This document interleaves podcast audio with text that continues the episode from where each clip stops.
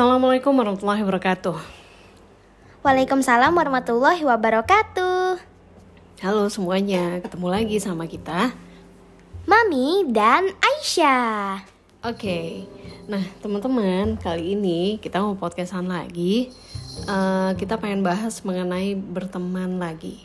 Nah, di sini bertemannya uh, kita mau ngobrol tentang apakah bisa ibu dan anak berteman. Iya, jadi teman-teman, ini pembahasan yang mirip sama pem, sama podcast pembahasan podcast yang kita bahas itu pada tanggal 12 Juli 2021 yaitu tentang apa iya kucing biskit kita dan kucing kita bisa berteman. Nah, pembahasan kali ini mirip seperti podcast yang dua, waktu 12 Juli itu. Nah, oke, okay. daripada lama-lama langsung aja kita mulai ya, Mi. Hmm, oke. Okay.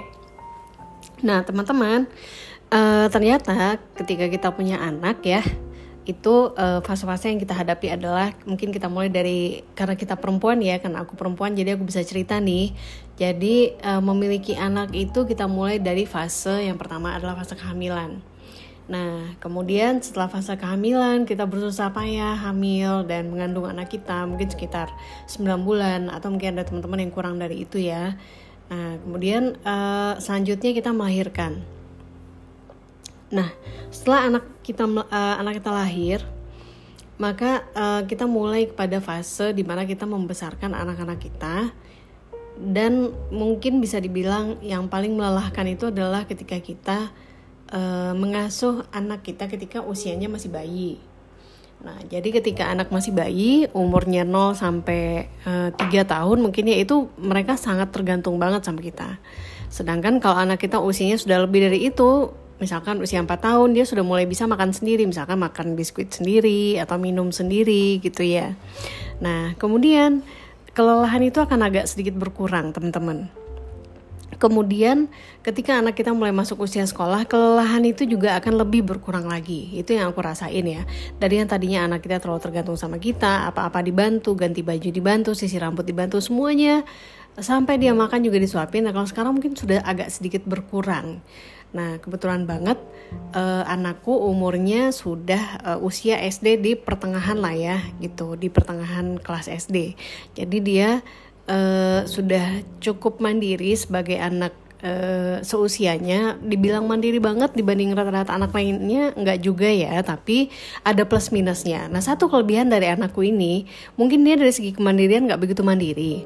Uh, hal ini dikarenakan apa? Contoh ketika anakku makan, itu bisa dibilang anakku ini baru mengalami makan eh, tiga tahun terakhir. Jadi kalau anak-anak lain makan itu dari umur uh, 2 tahun dia sudah terbiasa makan, sedangkan anakku itu uh, waktu dia baru bisa makan sekitar umur enam 6 bulanan makan bubur gitu ya. Itu terhenti proses itu ketika dia berusia sekitar 2 tahun. Kenapa? Dulu giginya patah waktu disuapin sama mbaknya. Jadi disuapin mbaknya pakai sendok uh, jadi mbaknya ini tuh nyuapin tuh uh, ini apa namanya uh, cari momen di mana mulutnya uh, lagi terbuka. Kenapa mulutnya terbuka? Misalnya dia bengong nonton TV gitu ya. Diajak nonton kartun, ketika dia bengong itu di dicokokin tuh sendok. Nah, suatu kali sendok itu bertepatan dengan anakku lagi begitu buka mulut, dia buru-buru mingkem. Sehingga sendok itu membentur giginya dan patah patahnya itu emang agak gede sih sedikit. Cuma aku walaupun sedikit tapi pasti sakitnya luar biasa. Karena sakit dia berhenti makan. Abis itu mogok makan sampai dia usia sekolah. Nah waktu baru masuk sekolah sama sekali nggak makan tuh. Sama sekali nggak makan. Uh, sampai kemudian dia melihat temennya kiri kanan dianjurkan sama sekolah untuk bawa makanan mulai bawa biskuit sepotong dua potong. Nah sampailah sekarang uh, anakku ini apa namanya udah tiga tahun terakhir dia udah mulai terbiasa makan. Aku bersyukur banget anakku sekarang udah mau makan nasi layaknya anak-anak lainnya. Kalau dulu kan enggak ya makannya roti biskuit. Uh, kalau sekarang enggak. Dia udah biasa makan nasi dia juga mau makan spaghetti dia mau makan fried chicken dia mau makan pizza apa pun dia mau makan. Jadi enggak uh, ketika aku kecil very picky eater. Sedangkan ketika anakku itu dia sudah nggak terlalu uh, sepiki eater zaman dulu banget gitu. Nah, tapi walaupun anakku ini nggak mandiri di sekian banyak hal tapi ada satu hal yang dia miliki yang aku nggak tahu anak lain memiliki atau tidak tapi ini signifikan banget terjadi perubahannya menurut aku ya. Karena terasa banget itu sejak aku mulai WFH jadi ketika ngobrol itu aku uh, mulai merasakan ternyata anakku ini secara pemikiran dia tuh dewasa banget. Ngomongnya jadi uh, anakku ini tuh bisa menjadi teman curhat. Itu sih yang aku rasain. Sebenarnya hal itu juga bukan suatu hal yang baru ya karena dulu juga aku pernah curhat sama dia waktu dia masih kecil atau masih kelas 1 SD apa TK gitu aku lupa TKB kali ya. Itu juga jawabannya di luar dugaan. Nah tapi semakin bertambah usianya aku semakin ngerasain oh iya ternyata anakku ini ya emang anak yang udah gede gitu. Nah kelebihannya sih itu ya kalau menurut aku. Dan uh, mungkin Aisyah bisa cerita. Aisyah kan kadang-kadang ketika mami curhat ketika mami bertanya sesuatu itu Aisyah bisa menjawab yang jawabannya itu kadang-kadang bikin mami kaget gitu ya. Mungkin Aisyah bisa dapat bisa cerita Aisyah dapat ilmu dari mana sih untuk menjawab semua pertanyaan-pertanyaan dari mami gitu? Nah jadi teman-teman itu uh, sebenarnya aku tuh bisa menjawab pertanyaan mami itu biasanya sumber uh, jawabannya itu dari buku, dari sosial media dan itu makanya aku tuh ada juga yang jawabannya itu ya yang aku tahu tahu aja yang aku gak Google, aku gak itu gak nonton YouTube ya kebetulan logika ya ya logika ya kebetulan itu aku emang tahu sih. Oke, okay. nah Uh, jadi ketika mami bertanya, kadang pertanyaan aku tuh suka lucu teman-teman. Aku bertanya sama dia, sayang, kenapa ya kok mami? Uh, ini contoh-contoh pertanyaan ya. Kenapa? Uh, mungkin sekarang aku bisa langsung nanya nih, sayang, kenapa sih menurut Aisyah mami kok uh, orangnya terlihat sering berpikir terus? Kan Aisyah sering bilang mami tuh kayak ada pikiran terus. Aku jadi khawatir gitu.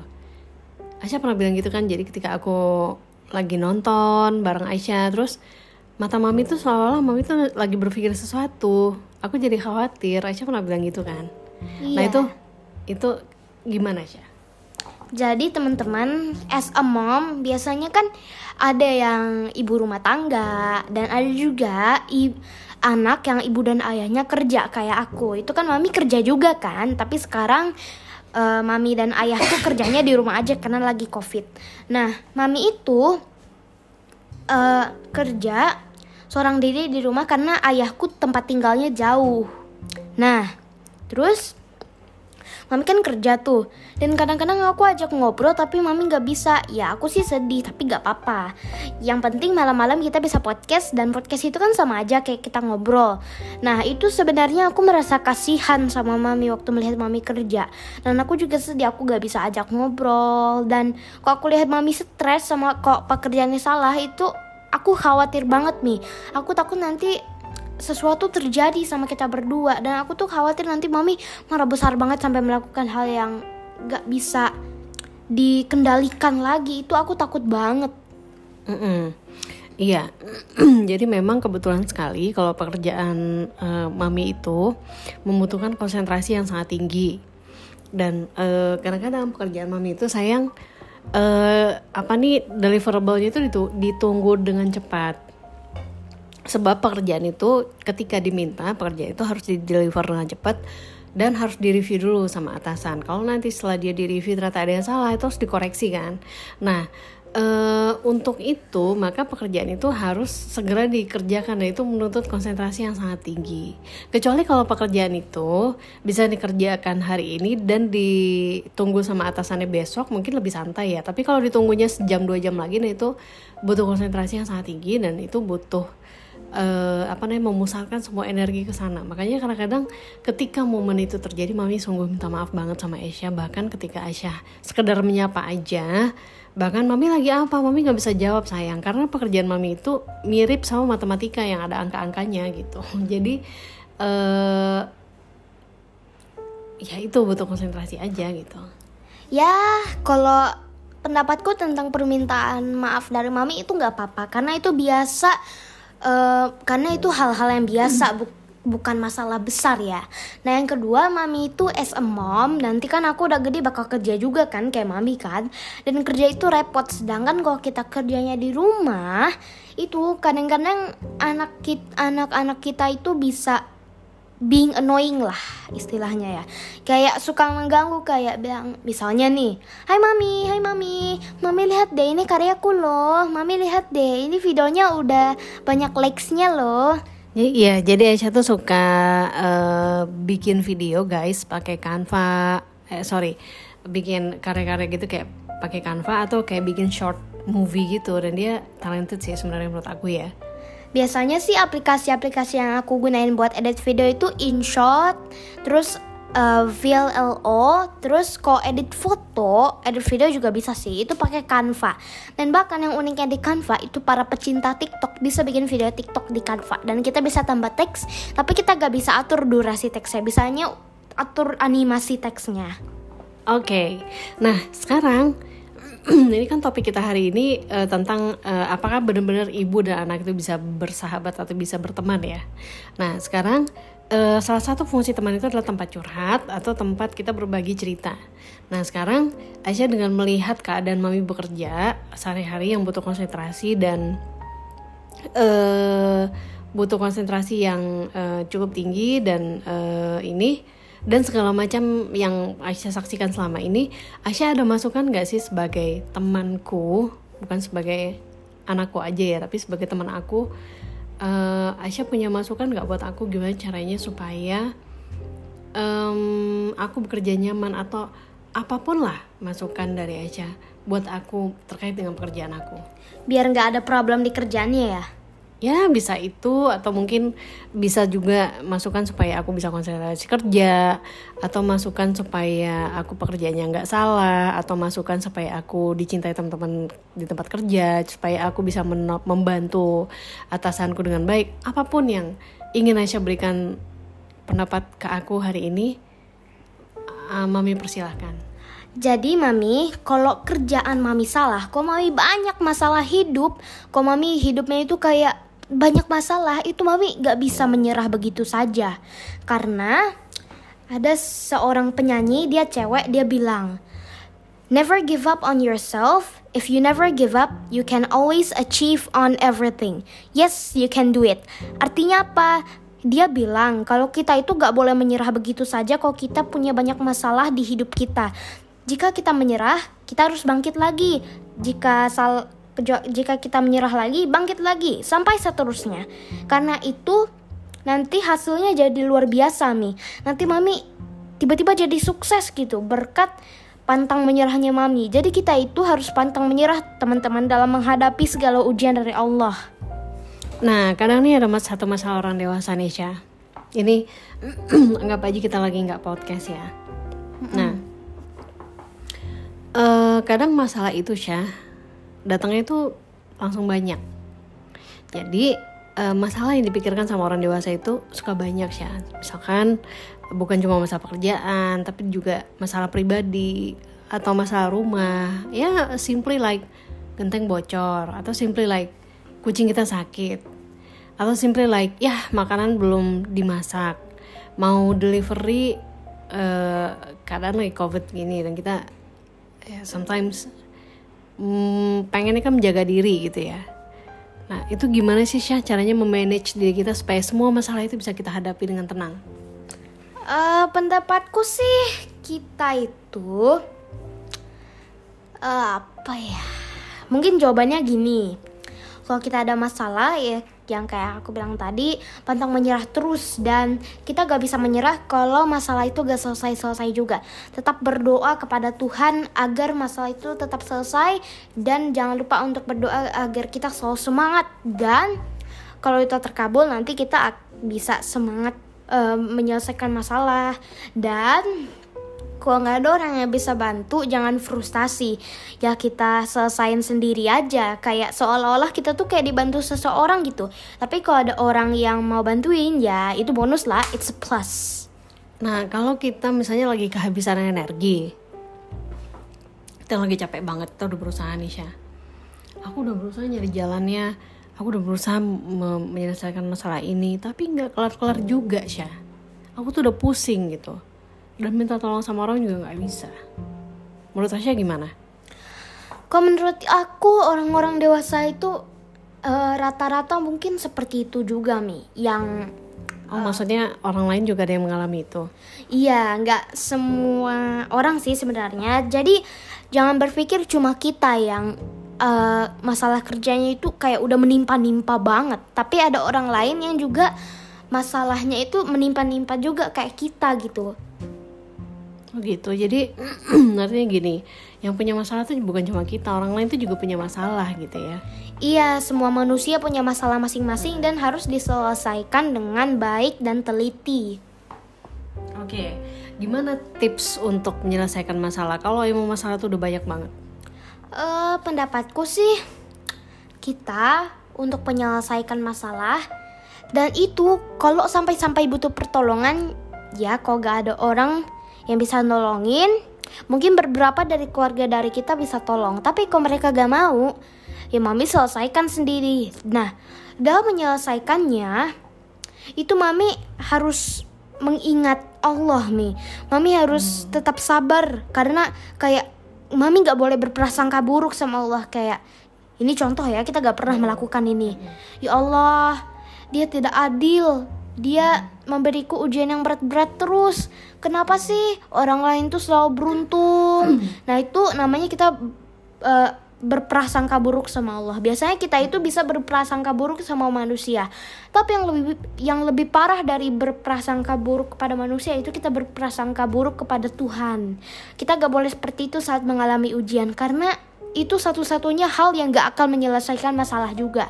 Terus yang kedua itu kita harus tetap sabar dalam menghadapi ujian dari Allah karena Allah memberikan semua manusia ujian masing-masing. Misalnya, ini misal ya, ini jarang terjadi di hidup kita. Kadang-kadang pernah, kadang-kadang enggak. Sup gosong pas dimasak kita Oh iya. panik. Aku gulai tuh gosong pernah loh. Aku kesel banget. Aku udah capek masak. Aku udah capek masak dan gulai itu gulai ikan. Gulai ikannya buat Aisyah itu gosong. Sebenarnya ikan yang tadi aku bakar, ikan bakar yang Aisyah makan, itu sebenarnya gosong. Makanya mami, s- mami ini mami mami apa namanya? ma- makanya mami cuil-cuil tuh maksudnya apa ya? Makanya mami eh, apa namanya? mami a- apa potong-potong kecil-kecil ikannya karena mami take out yang gosongnya itu hasilnya ada gosongannya tadi aku tadi kayaknya apinya kegedean karena aku lagi motong kentang terus iya ikannya yang di kompor nggak ke monitor gosong Iya, tapi itu sebenarnya sih hari yang paling lucu sedunia. Jadi supnya gosong itu tapi terjadi di hari yang lalu dan sekarang udah nggak terjadi lagi. Nah, sup gosong itu juga ujian dari Allah. Kita harus tetap sabar dalam menghadapi ujian, baik ujian itu ringan maupun yang berat. Semua manusia mendapatkan ujian masing-masing dari Allah. Pentingnya mami mengingat Allah itu kita harus tetap berdoa sama Allah. Dan jangan ada nih pasti ada nih orang yang mengalami ujian yang berat-berat banget dan gak bisa dia maafkan tiba-tiba dia nggak beriman lagi sama Allah. Nah itu untuk orang muslim jangan kayak gitu ya. Karena Allah itu Tuhan kita teman-teman yang menciptakan kita untuk para orang muslim ya ini. Nah kita harus tetap beriman kepada Tuhan yang Maha Esa dan yang yang paling penting itu kita harus tetap sabar. Dan jika kita sabar ini ada hal yang paling spesial banget yang pengen aku kasih tahu. Bukan yang jelek-jelek tapi penting diketahui. Jika kita sabar menghadapi ujian dari Allah kita akan mendapatkan balasan baik. Ya gitu. Hmm, gitu ya. Nah, kemarin mami dengerin podcast eh siapa namanya Denny Sumargo. terus Nah, Denny Sumargo itu eh, dia juga menceritakan bahwa dia tuh banyak masalah hidup ya. Di satu titik dia bilang begini, kenapa ya kok eh, masalah gue begini banget? Kenapa masalah orang lain gak ada yang kayak gue gitu? Nah ka- kadang di some point, di, di suatu poin tertentu, mami juga merasa begitu. Kenapa ya? Kok aku ngalamin ini ya? Kok orang lain gak ngalamin masalah ini ya? Kenapa orang lain kayaknya maksudnya tuh kalau ngelihat orang sekitar kita gitu ya kayaknya ya let's say lah temen kita gitu.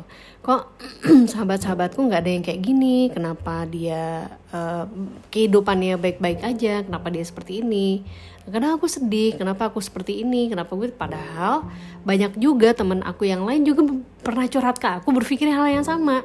Kok aku nggak kayak kamu ya? Gitu kata temenku. Kenapa aku seperti ini? Nah kadang-kadang mami juga merasa begitu sih kenapa mami nggak seperti kenapa mami seperti ini? Padahal kehidupan kita sebenarnya bisa dibilang baik-baik aja kan?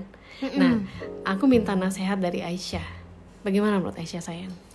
Jadi actually we don't know what someone else is going through. Kita gak tahu orang itu emang benar-benar beruntung, sering beruntung atau tidak.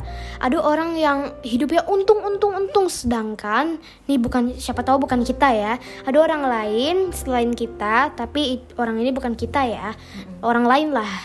Itu dia hidupnya sial-sial-sial. Kalau hidupnya sial, ya harus sabar. Dan kenapa mami bilang kok aku selalu mendapat pekerjaan yang maksudnya menumpuk-numpuk banget kayak seolah-olah sebanyak istana gitu istana yang di dunia hayalan. Nah tapi masalahnya itu bukan uh, pekerjaan itu, tapi masalahnya itu misalkan uh, ya sesuatu yang nggak bisa aku ungkapkan lah di podcast ini gitu kan. Tapi misalnya aku punya suatu masalah yang aku di masalah di satu masalah ini aku berpikir kok aku masalahnya begini banget ya kenapa orang lain tuh nggak begini gitu kok kayaknya orang lain tuh apa ya masalahnya tuh lebih ringan dari aku. Nah itu hmm, menurut pendapat Aisyah gimana?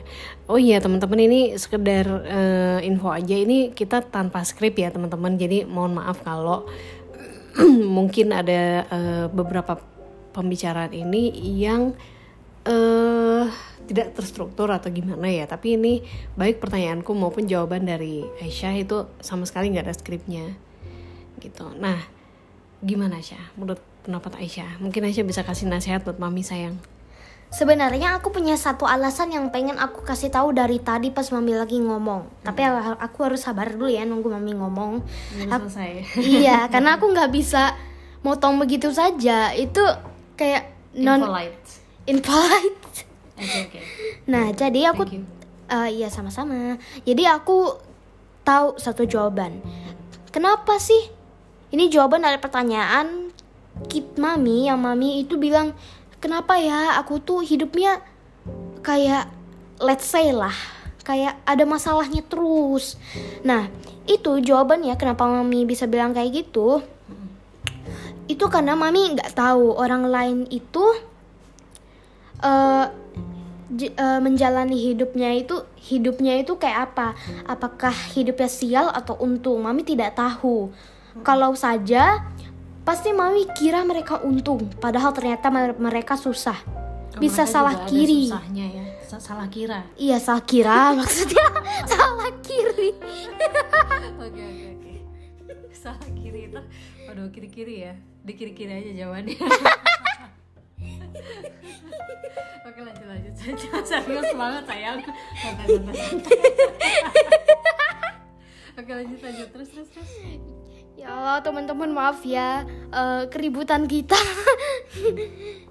nah jadi kita itu kalau kita bilang kenapa orang lain itu hidupnya untung, sebenarnya jawabannya kenapa kita bilang begitu itu karena kita tidak tahu orang itu hidupnya ada untungnya tapi juga pernah ada sialnya gitu. Iya, kita tidak tahu. Untungnya sebentar tapi tiba-tiba langsung ada sial. Okay. Nah, kita nggak tahu, kita salah kira. hmm, salah kira, oke. Okay. Jadi ada juga tuh orang teman aku ya kalau nggak salah ya mm-hmm. tapi aku nggak tahu siapa kalau nggak salah teman aku itu dia hidupnya ya let's say kadang-kadang susah kadang-kadang untung nah jadi kadang-kadang susah kadang-kadang enak hidupnya gitu ya Iya, hmm. tapi walau hmm. begitu dia pasti akan tetap bersyukur teman-teman karena kalau kita mengalami ujian itu waktunya kita bersyukur. Aslinya kita harus bersyukur di every time uh, anytime and anywhere. Di mana pun, kapan pun kita harus bersyukur. Maupun saat kita mengalami ujian dan ujiannya itu seperti orang meninggal. Nah itu Allah mau membuktikan nih, apa iya kita masih akan tetap bersyukur kepada Allah bila Allah mengambil salah satu dari keluarga kita. Misalnya kakek.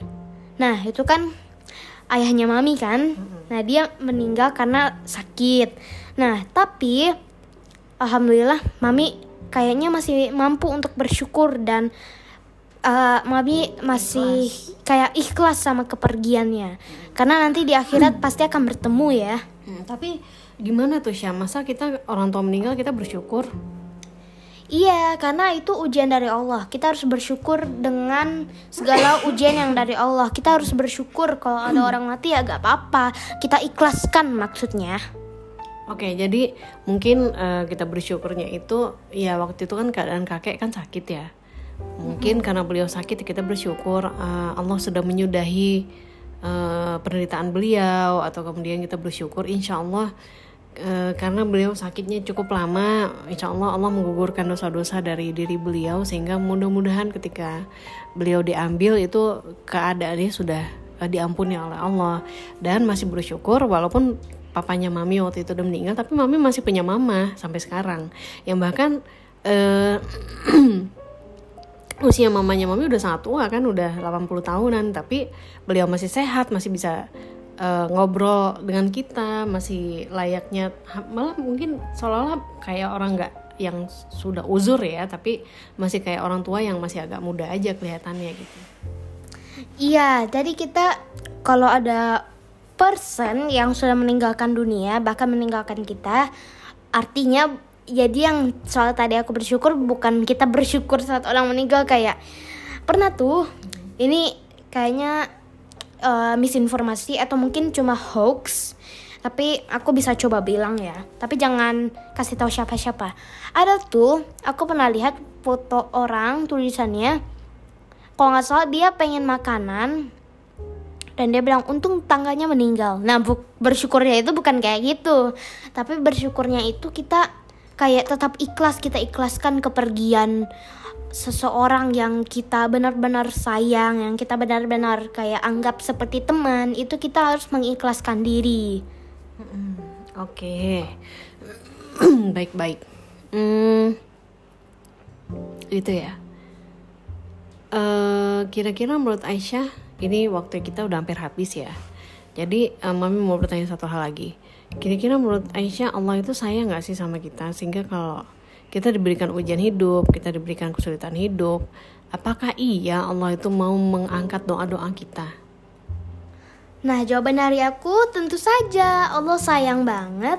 Allah sayang sekali kepada kita dan itulah sebabnya dia memberikan ujian. Dan seperti pertanyaan tadi, apakah orang tua dan anak bisa berteman? Jawaban dariku sih iya, kalau kita itu karena kita masih bisa ngobrol bahkan video call pun itu terasa udah ada teman baru video call sama mami di sekolah pakai jam tangan yang itu loh yang paling banyak dipengenin anak-anak itu kalau aku video call sama mami pakai suatu jam itu uh, contohnya Aimo lah.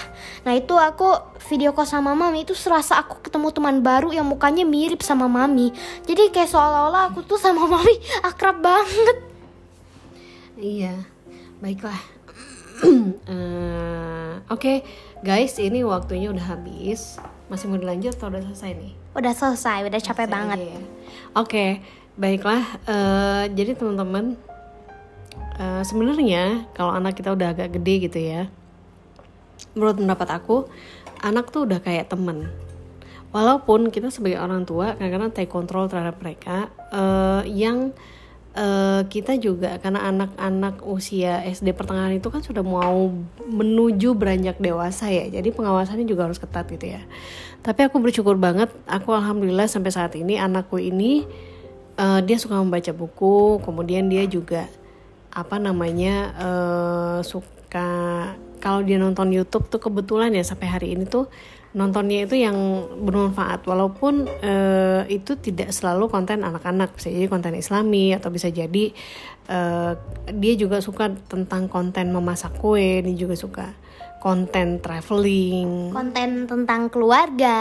Tentang keluarga. Dan bahkan uh, dia membaca buku tentang parenting loh. Parenting? Emang iya aku baca Iya, yang Aisyah bilang, Mami, Mami itu tidak boleh sama anak seperti ini. Ada di buku parenting. Hah? Ingat nggak? Mami marah sama anak itu tidak boleh. Ingat nggak Aisyah ngomong gitu? Aku nggak ingat. Itu mengakibatkan sel-sel apa? Ingat nggak waktu Aisyah baca buku parenting kalau orang tua marahi anak itu mengakibatkan sel-sel di otak mati. Hah? Oh, yang itu. Ingat. Ingat, itu kok gak salah dari YouTube. Bukan dari buku. Itu loh buku yang waktu lemari ini masih mepet ke sini. Mm -mm. Nah, waktu lemari buku masih mepet ke tembok sebelah sini, Aisyah ambil sendiri pakai kursi. Aku nggak ingat. Lupa ya. Mm -mm, ya udah. Oke, okay, kalau gitu. Mungkin next time kita ulang lagi ya, Syah. Mungkin kita bisa membahas hal yang lain ya. tentang soal berteman karena ini kita bakal masukin ke bagian album podcast yang namanya berteman. Iya. Uh, uh, atau kita bikin album lain tapi nanti deh kita lihat keadaan ya. Iya, kayak playlist gitulah. Oke. Okay. Baiklah Aisyah, makasih banyak udah dengerin podcast kita. Aku uh. aja ya jadi penutupnya. Sorry okay. Mi. Iya, Teman-teman, terima kasih karena sudah uh, bukan deh. Pengumuman-pengumuman. Terima kasih telah mendengar podcast kita yang receh-receh ini. Mohon maaf jika ada kesalahan di podcast ini dan di podcast lainnya. See you on the next podcast. Terima kasih. Oke, selamat malam. Assalamualaikum warahmatullahi wabarakatuh. Waalaikumsalam warahmatullahi wabarakatuh. Terima kasih.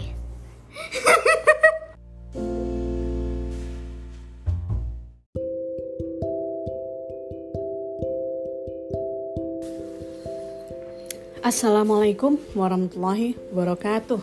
Waalaikumsalam warahmatullahi wabarakatuh. Halo semuanya, kali ini dengan Mami dan Aisyah. Oke, nah kita udah berapa lama nggak uh, podcast lagi ya Syah? Iya karena saking kita tuh biasanya ya sehari-hari tuh kita sibuk sekali teman-teman. Jadi kita tuh kayak waktunya nggak banyak gitu. Kadang-kadang kita sering sibuk atau kadang-kadang punya urusan. Jadi uh, kita tuh waktunya eh, nggak uh, banyak untuk podcast. Hmm, nah kebetulan malam ini kita lagi ada waktu untuk karena kita kangen juga ya Syah podcast ya nah kita mau ngebahas satu hal nih teman-teman. Ini kan tadi episodenya itu kan tentang uh, kayak semacam perasaan lah curhat-curhatan gitu ya. Nah sekarang kita mau bicara tentang perasaan sedih. Ya. Oke. Okay. uh, eh, siapa sih teman-teman yang nggak pernah sedih? Semua orang pernah sedih ya? Iya.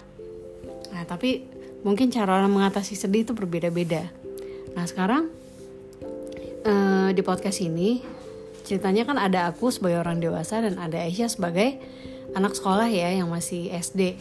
Nah uh, mungkin kita semua teman-teman mulai dari kita kecil kita udah pernah merasakan sedih. Nah sekarang uh, kalau kita ingat-ingat lagi nih begitu banyak mungkin hal yang membuat kita sedih, tapi kemudian tanpa kita mengeluh pun hal-hal kesedihan itu berlalu kan iya nah sekarang kita ngobrol dulu nih Aisyah uh, Aisyah pernah gak sih ngerasa sedih gitu uh, kalau gitu sih pernah oke okay.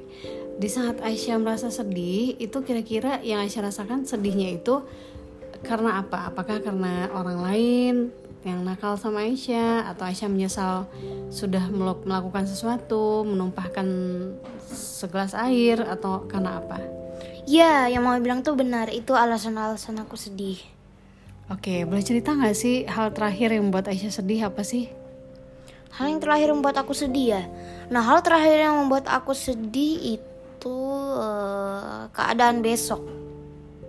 Ya. Mm-mm. Ya jadi keadaan besok kan biasanya aku ketemu tuh sama temen-temenku pada main gitu. Nah terus besoknya temenku ada ujian nih, eh ujian, ada eh temenku ada yang ujian sama ada yang ada les taekwondo. Nah taekwondonya itu masalahnya dari jam 4 sampai jam 6 kan maghrib lama banget. Sedangkan kita biasanya mainnya jam 4-an atau jam 3-an gitu. Oh, jadi Aisyah sedih nih besok kayaknya nggak bisa pergi main bersama teman-temannya gitu ya? Iya, makanya setiap temanku ada les taekwondo tuh pasti aku tuh mager banget main ke sana. Soalnya kan pasti taekwondo. Waktu main kan sebentar. Oke, udah gitu Aisyah nggak latihan taekwondo lagi ya? Iya, Padahal ini ya, eh, apa namanya iya sih. Bukan cuma anak kecil loh Syah, orang dewasa juga senang berteman. iya, Karena kita makhluk so sosial. iya makhluk sosial. Jadi nggak heran ya Mi, kita pernah tuh nonton TV ya. Ada dua orang cowok mau itu bilang kayak anak kecil. Eh, bukan anak kecil banget sih, cuma sahabatnya itu kayak waktu masih kecil gitu. Nah, padahal tuh orang dewasa tuh dia kadang-kadang tuh permainannya permainan anak kecil. Mungkin karena dia sering terkenang eh, mengenang masa-masa dia waktu kecil, masa-masa dia bermain sama teman-temannya. Misalnya main home pipa, mungkin dia akan memainkannya sampai sekarang karena dia masih teringat sama masa-masa itu. Nah, mungkin selain itu hal yang sudah berlalu yang membuat Aisyah sedih masih kerasa sedihnya sampai sekarang tuh apa Syah? Eh, sebenarnya aku nggak enak ngasih taunya. Gak apa-apa cerita aja. kadang-kadang tuh kita aduh deg-degan ngasih taunya kadang-kadang tuh kita kayak ada eh, suka mohon maaf ya arguing ya Oh oke, you and me. ya kadang-kadang tuh ini ini ini enggak ini ini ini Aisyah ini ini Oke, it makes you sad karena kita uh, kayak arguing kayak bertengkar gitu ya. Iya cuma itu eh, hanya kadang-kadang ya nggak sering ya cuma eh,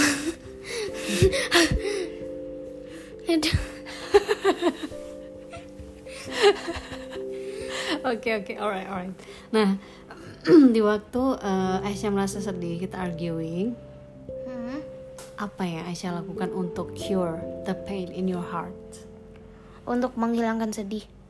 Waktu itu ya teman-teman sedih banget. Kan waktu aku main tuh nih ada temanku mau bilang. Oh Aisyah kalau kamu mau main makan dulu ya. Aku makan tuh cuma nggak habis. Dengan harus habisin makan biar bisa main. Oke, nah apa sih yang Aisyah lakukan supaya kesedihan itu menghilang atau berkurang?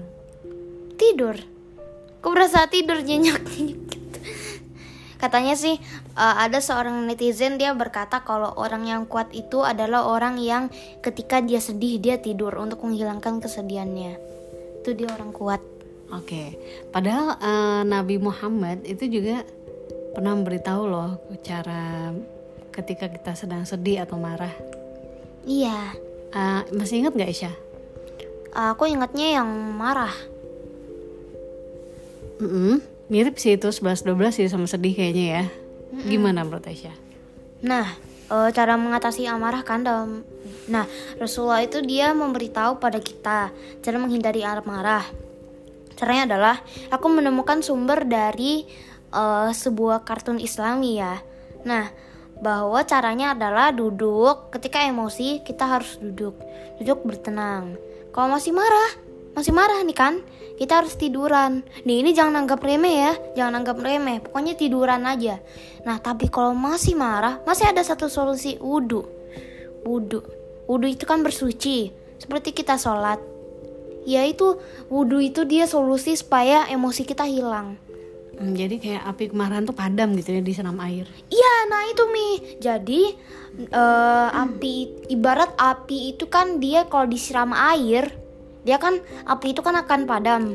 Nah, setan itu kan dia tercipta dari api. Dia membisikkan kita kejahatan. Kalau kita wudhu itu seolah-olah api api itu setan itu dia padam apinya gitu. Mm-mm. Nah, itu kalau nggak salah Nabi Muhammad itu bercerita kalau misalnya kita marah maka duduk Ya duduk. Kalau masih marah, merasakan marah lalu Tiduran. Tiduran gitu ya. Kayaknya mirip deh ya. Kayaknya kalau kita lagi sedih ya. Kayaknya juga kalau perasaan kita lagi sedih gitu, kayaknya kita ya udah. Kalau kita lagi marah, eh lagi sedih gitu, wudhu. Kalau abis wudhu masih sedih, ya udah duduk, berbaring. Ya kan, mungkin itu bisa mengurangi kesedihan sih. Iya, nah eh, Sebenarnya ada satu lagi yang Aisyah lakukan waktu Aisyah merasa sedih. Aisyah cerita semalam sama mami. Hah? You read something. Oh iya iya iya. Nah aku mau bilang gitu. Nah teman-teman eh, pernah tuh lagi-lagi kita pernah arguing ya. Eh, mungkin as a mom and child ya pasti kadang-kadang di kehidupan kita ada konfliknya sedikit. Nah Canggih banget ngomongnya. bukan masalah canggih cuma kan eh, ada seorang penyanyi ya, kita mendengar lagu liriknya itu kayak eh, hidup ini berjalan seperti seekor hewan dia bentuknya tupai aku nggak enak ngasih tahu namanya. Bajing ya kalau nggak salah. Dia Oh melompat iya. Hidup berjalan. Se- seperti bajingan.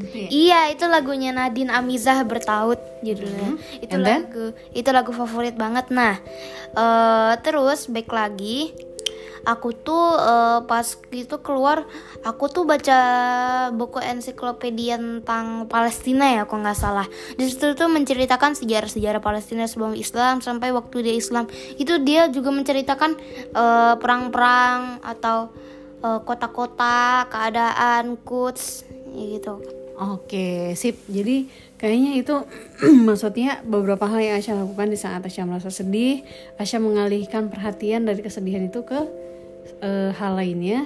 Bisa jadi dengan cara membaca buku gitu ya, atau mungkin nonton YouTube atau eh, dengerin podcast lainnya. Tapi ada satu lagi sih buku yang Aisyah baca kemarin. ya benar itu adalah Al-Quran kitab kita ya Nah, nah itu coba dong cerita gimana sih pengalamannya baca Al-Quran kemarin pas lagi sedih itu gimana? itu mi dari ayat 1 sekarang udah sampai apa tuh surah ah lupa pokoknya banyak banget dari dulu dari surah al-fatihah aku baca terus aku baca terus Mm-mm. Oke, gimana perasaannya waktu abis membaca Al-Quran tuh mereda nggak sih perasaannya? mereda nah biasanya pas aku sholat nih matiin lampu aku jadi nggak takut jadi hatiku tuh kayak merasa eh, wah kayak dilindungi gitu Itu serius.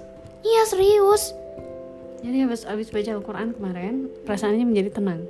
ya serius jadi tenang Kira-kira kenapa menurut Aisyah perasaan Aisyah bisa jadi tenang?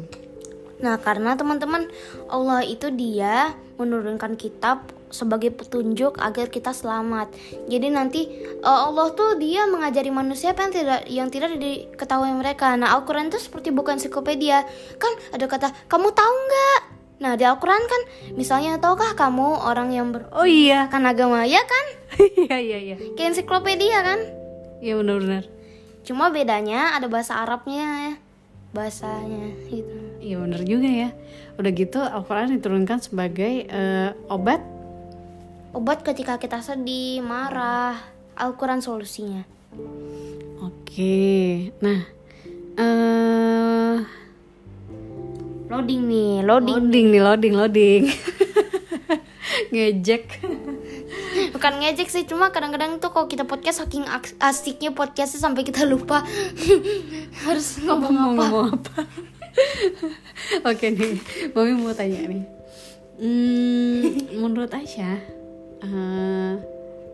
s- ini mami mau tanya nih kan kita udah sepakat nih eh, karena kita seorang muslim membaca kitab suci kita yaitu Al-Quran itu mengobati kesedihan nah seberapa tertarik Aisyah untuk sering-sering baca Al-Quran Mungkin sih sebenarnya tertarik banget ya. Mungkin. tapi Tapi cuma kadang-kadang sering nonton handphone. Oh gitu. Apa sih menurut Aisyah yang menarik di Al-Quran itu? Yang menurut aku yang menarik itu seperti yang aku bilang tadi tuh udah kayak ensiklopedia. Jadi kan tulisannya, tahukah kamu? Kamu tahu nggak? Kayak gitu kayak di ensiklopedia itu kan pasti ada ujung-ujung pertanyaan. Kamu tahu nggak? Kayak gitu.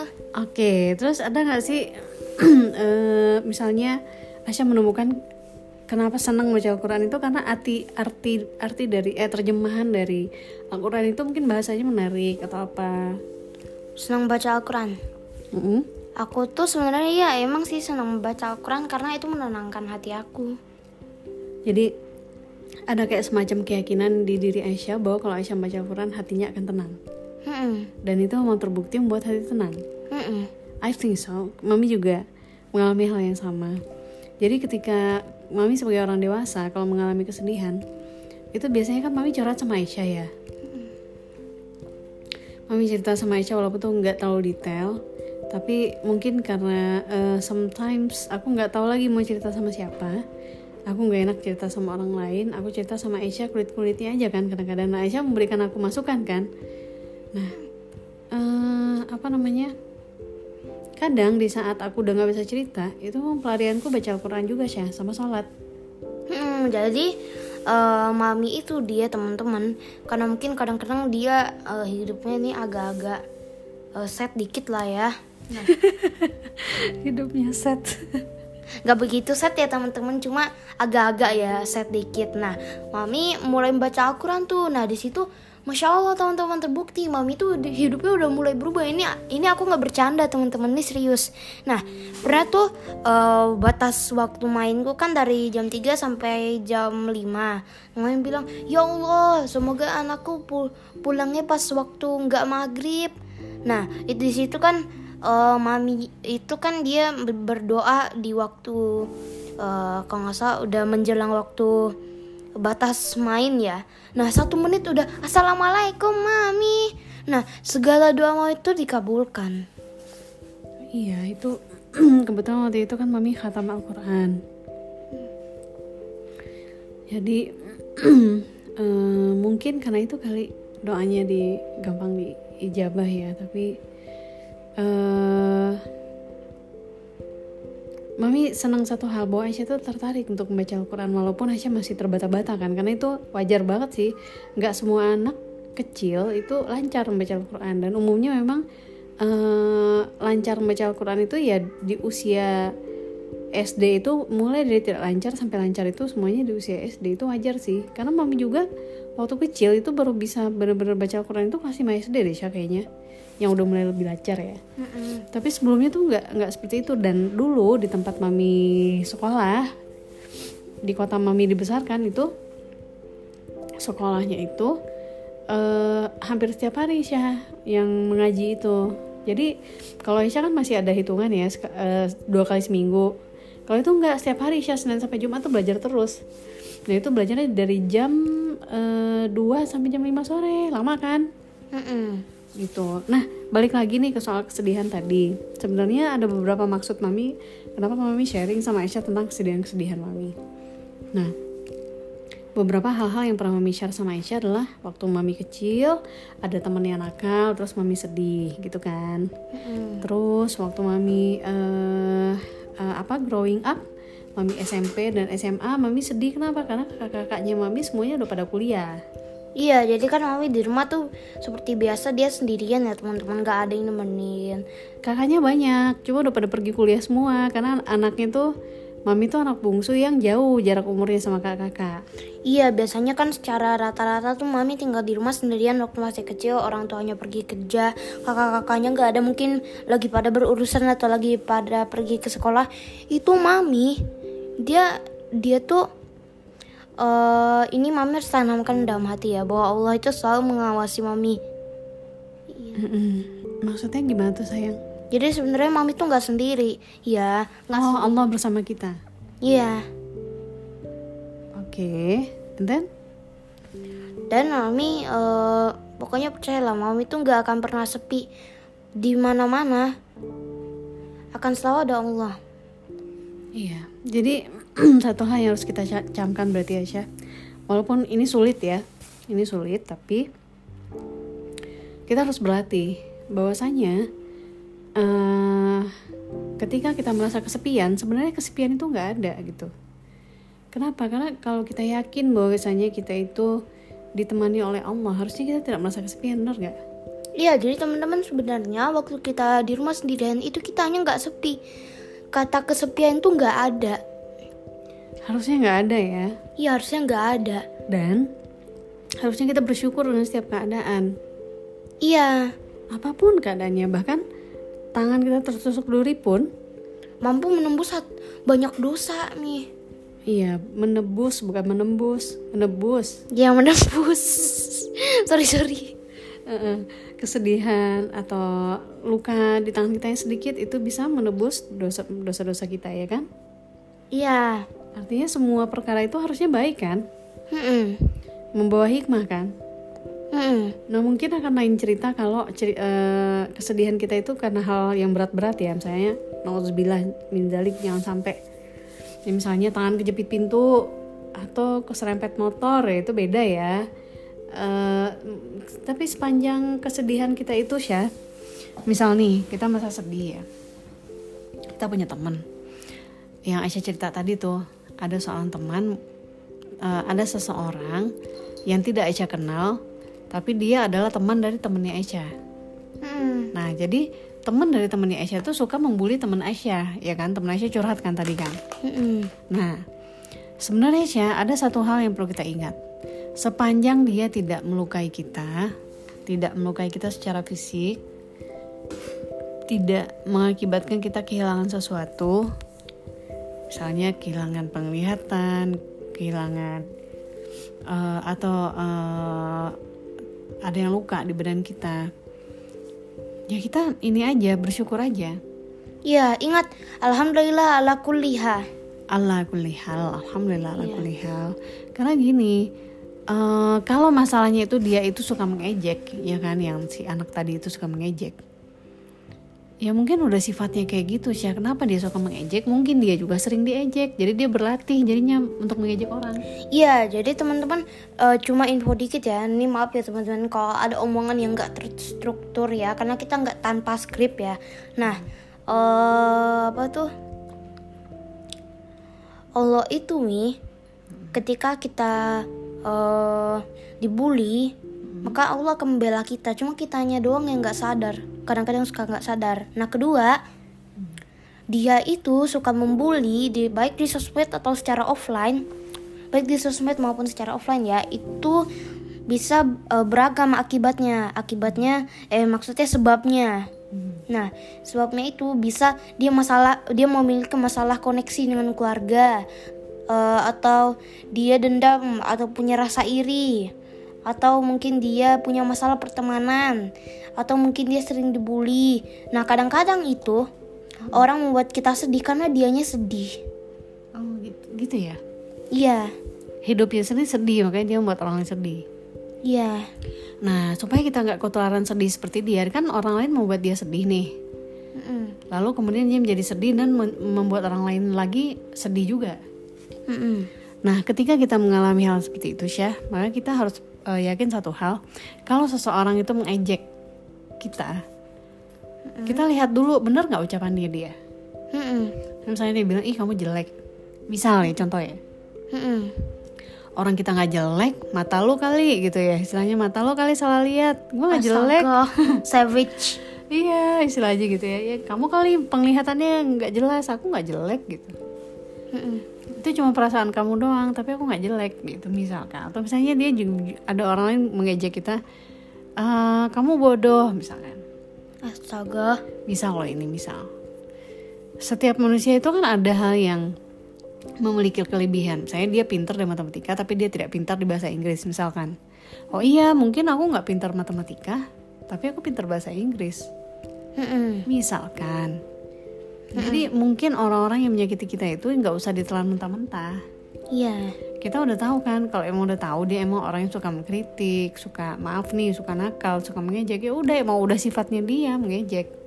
Mm-mm. supaya mental kita tetap sehat kita coba pakai logika. Mm-mm.